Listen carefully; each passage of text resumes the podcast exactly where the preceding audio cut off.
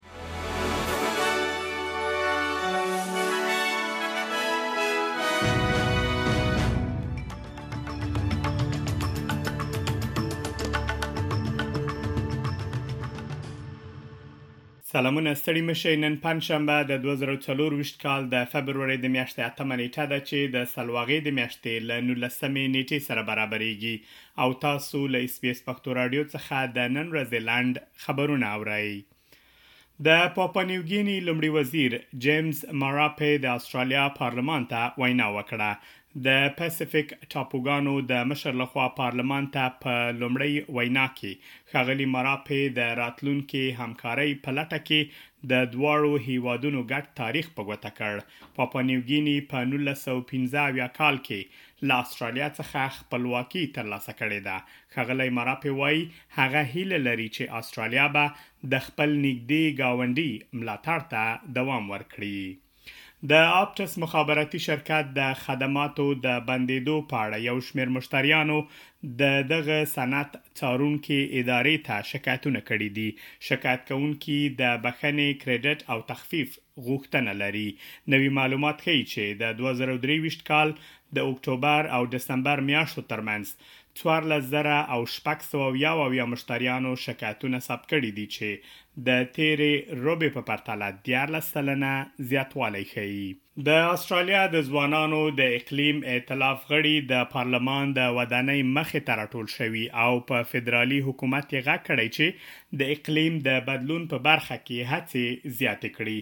د استرالیا له هر ایالت او سیمې څخه دېرش ځوانانو خپلې کیسې شریکې کړي چې څنګه لویو صنعتي پروژو او خرابې هوا د دوی په ژوند اغېز کړی دی. د ګرین ګوند مشر ادم بانډټ هم له دوی سره یوځای شوی او ویلي دي چې حکومت به د فوسیلي تېلو د نوې پروژې پای ته رسولو ته ژمن وي.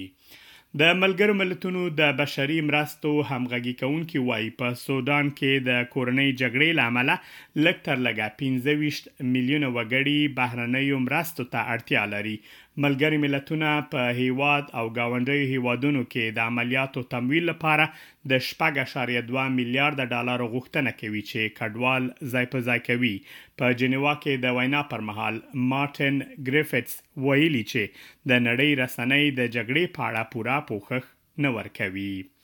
په پاکستان کې د نوماندانو دفترونو ته نږدې چاودنو کې څلور ویشت کسان وژل شوي دي. د بلوچستان په پښین او قلعه سیف الله سیمو کې د ټاکنو د نوماندانو پر دفترونو چاودنې شوې دي. دغه چاودنې د اسفندیار کاکړ او د مولانا فضل الرحمن په مشرۍ د جمعیت علما اسلام ګوند پر ټاکنیز دفترونو شوي دي چې لږ تر لږه څلور ویشت کسان پکې وژل شوي او لسګونه نور ټپیان دي. په وروستیو څو اونیو کې په پاکستان کې د ټاکنو په نوماندانو بریدونه زیات شوي او اندېښنې یې راپارولې دي.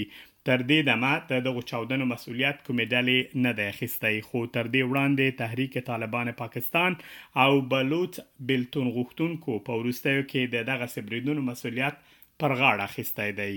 دا وه د نن ورځې لنډ خبرونه چې ما مجیب منیب تاسو ته وړاندې کړل. تر بیا امان الله مل شه.